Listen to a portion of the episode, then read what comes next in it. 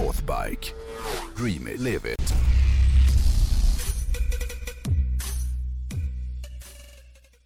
Vi är ju trots allt här uppe i Sundsvall. Mm. Eh, för att... Northbike Territory. Northbike Territory, precis ja. Eh, Overland Adventure Expo. Intresset för den här mässan har, har ju varit väldigt stort. Nu får vi hoppas att, att det också återspeglar sig på, på antalet människor som kommer hit. Men Ja. det känns ju som att folk är väldigt pepp på, på det som ska hända här i helgen. Eller Det, det känns som att det kommer komma mycket folk och sen är det ju så här, utomhusmässa, man är alltid väderberoende. Det är därför jag har magsår. Ja, men är de här Overland-människorna är inte lika kinkiga som raggarna. Nej. Alltså är det lite, duggar det lite i luften så det är Ja, skitsamma. Kamaron, kabben får stanna hemma. Ja, fy fan, ja. En overlander, ja det haglar i sidled, Ja. då, då, då åker vi. Ja, precis. Det hade varit bättre. Nej, men apropå det så tänkte jag jag skulle snacka lite om en grej som har med eh, Overland Expo att göra. Mm. Eh, de senaste två åren så har det ju hänt något inom motorcykelmarknaden. Så, som faktiskt inte har hänt på... Förlåt, må- du, jag, jag såg idag när, vi, när vi, vi mätte ju upp montrarna Mm. under hela dagen Mm. och, och gjorde markeringar i marken. Mm. Och utanför så stod ju nya Desert Xen. Du har inte sett den live? Jag har inte sett den live tidigare. Mm. Eller har jag det? Nej. Nej, jag blev så helt blown Ja, away. mm. I min värld, den bästa äventyrshoj-designen of them all. Och den får man provköra nu i helgen. Ja, jag måste faktiskt göra det. Jag, eh, Nej, du har annat att göra kan jag säga. Men, Jo, men en liten tur kan jag väl ta. Ja, ja. Borta ett par timmar. ja, eh, ja, nej, italienarna kan ju det, men man får ju, mycket kan man säga om dem, men design, det är, det är svårt, de är svårslagna där. Ja, Mm.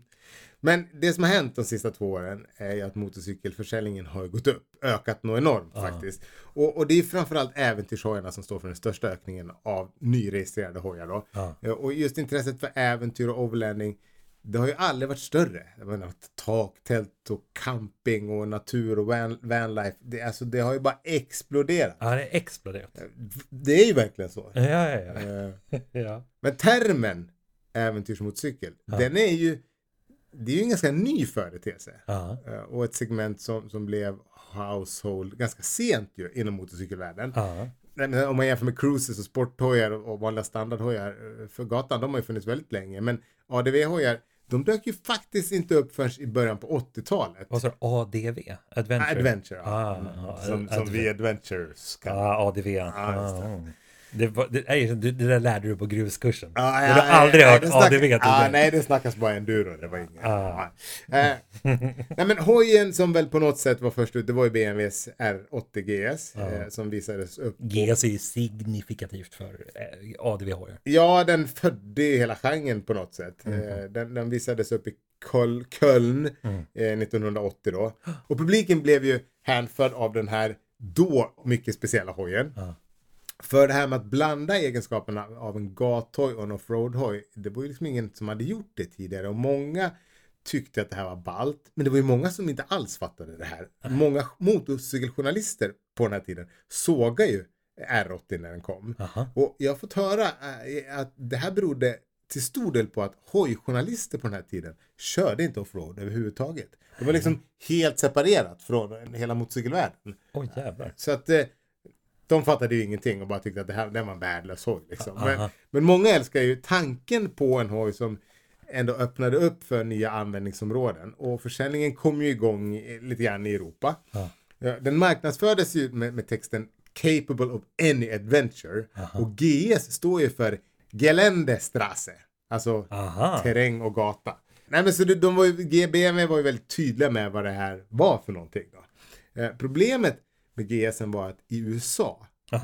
eh, det var att folk där, de tyckte att den var för dyr. Och där hade kanske inte heller alla riktigt fattat vad man skulle ha den till. För jänkarna gillar ju i större utsträckning än vi här i Europa att ha liksom ett fordon för varje tillfälle. Ah. Eh, man kanske hade en Suzuki DR i garaget. eh, För den är liksom en mer renodlad offroad-hoj. eh, som jänk- eftersom, liksom, ja, den tog jänkarna när de skulle ut i, i vildmarken. Då, kanske. Ja, exakt. Och så kanske man hade liksom en Yamaha 850 TDM. Eh, som ju var en hoj som var byggd för touring men som väl också fixade en grusväg om det skulle behövas. Men, ah, plus att man hade ju crosshojar, typ Rambo-hojar. Ja, liksom. men, ja, men precis. Eh, Så i USA så tyckte man till en början att det var liksom lite onödigt att köra en hoj som ba- bara hade sämre egenskaper än en DR i terrängen och sämre än till exempel då en TDM på landsvägen. Ja. Men Honda hade ju ganska tidigt insett att det här segmentet nog ändå skulle komma att bli populärt i USA. Och att det förmodligen också skulle kunna gå att få jänkarna med på det här äventyrståget om man bara presenterade det på ett lite annat sätt än vad BMW, hade gjort då. Så då bestämde man sig för att göra det som BMW hade gjort tio år tidigare men att anpassa idén till tidsandan lite mer. Aha. Och då 1988 så släppte man ju hojen som är den moderna äventyrshojens urmode på något sätt. I alla fall rent, ur ett rent estetiskt perspektiv. För den flörtade ju också med Dakar. Och det är ju Africa Twinnen som Ah. kom eh, 88. Ja, alltså XRV 650. Eh, den var mer kraftfull än BMWn och, och, och mycket billigare. Och dessutom så såg den ut som någonting som man tävlade med. Så det, det blev ju en hit då i USA. Ah. Försäljningssuccén var enorm. Det är knappt att få tag på såna här hojar i USA för de sålde mycket fortare än vad Honda kunde leverera till USA då. och framförallt i stater som hade stora avstånd typ Texas och Kalifornien och Arizona och Colorado så älskade man den här hojen. Och, och, och den banade ju också väg då för BMW att relansera sin GS till en, till en målgrupp som nu hade fattat den här grejen. Och plötsligt så tog försäljningen fart ordentligt för BMW även i USA då. Och en annan grej som, som var viktig och som hjälpte till att växa hela adventure-marknadssektorn, det var ju KTM. När de kom, de var ju kända för sina krossar, men sen då så släppte de sin underbara 640 Adventure i slutet på 90-talet. Jag tycker att den här borde de relansera. Eller jag skulle vilja se, Den är så jävla... ja den är så jävla ball. Eh, eller jag skulle vilja egentligen vilja se en ADV rallyversion av 690 skulle jag vilja säga. Som kunde ta upp fighten med T7. Men det behöver vi inte prata om nu. 640 Adventure blev ju hur som helst en hit. Eh, för precis som Africa Twinnen och GSen så hade den ju sjukt bra offroad-egenskaper. Förmodligen bättre än både Hondan och BMWn. Men, men sen så var den ju också, den hade en väldigt gatvänlig motor kan man säga. Och sen 2004 så kom ju Long Way Round filmen och säga vad man vill om... Är den så gammal? Ja. Fan vad Ja, sjukt. ja jag vet. Uh, säga vad man vill om den filmen. Det är många som tycker att ja, det där är inget riktigt äventyr och de har följebilar och bla bla bla bla bla. Men, men Men det är de här typ klag... det är samma typ av gubbar som vi pratade om tidigare. Ja. Alltså, som bara gillar att gnälla. Eh, men eh, vad den filmen gjorde för äventyrssegmentet, det, det är ju liksom Ja, men det är ju ungefär som vad Fast and the Furious gjorde för hela liksom, Piss och Puff. Eh, liksom, den födde ju, den, bilarna fanns ju innan, men det blev ju liksom hos den breda massan någonting som alla helt plötsligt ville hålla på med. Ja. Eh, och idag med YouTube, alltså det finns ju hur många kanaler som helst som gör liksom med folk som gör sin egen variant på det Johan och Charlie gjorde då 2004. Vilket såklart har gjort att den här snöbollen... Johan. Johan. Eh, Johan och Charlie. Eh, nej men det här gjorde att snöbollen bara har rullat snabbare och snabbare och blivit Ah. större och större sen dess då. Och, men intresset för det här enkla och ge sig ut i naturen och, och det känns ju som att det är extra viktigt idag. Ah. Men alla vill fly från alla Skiten. Ja men alla jävla komplexa val som man behöver tvingas Från göra. fulleran till finleran. Från fulleran till finleran. Jag kunde inte sagt det bättre själv. bort från det digitala, bort från social media. Och, Ja. Fast i och för sig, social media är också har blivit otroligt viktig i overland och adventure-grejen. därför Vad, tycker du om det? Det finns liksom två, två sätt att se på det där. Jag är liksom, dels är det ju de som älskar att filma sig själva när de gör det. Och sen Ja. är, är det ju de som, det absolut sista man vill göra är att hala upp en kamera och, och, och Ja, men jag tillhör ju det sista. Ja, jag men, men samtidigt så är det ju så att overlanding har exploderat tack vare att det finns otroligt mycket content på YouTube. Mm, mm. Och, och det är ju väldigt kul. Det är ju en materialsport av Guds nåde. Ja, ja. All, det är alla... att alla gubbar älskar det så mycket.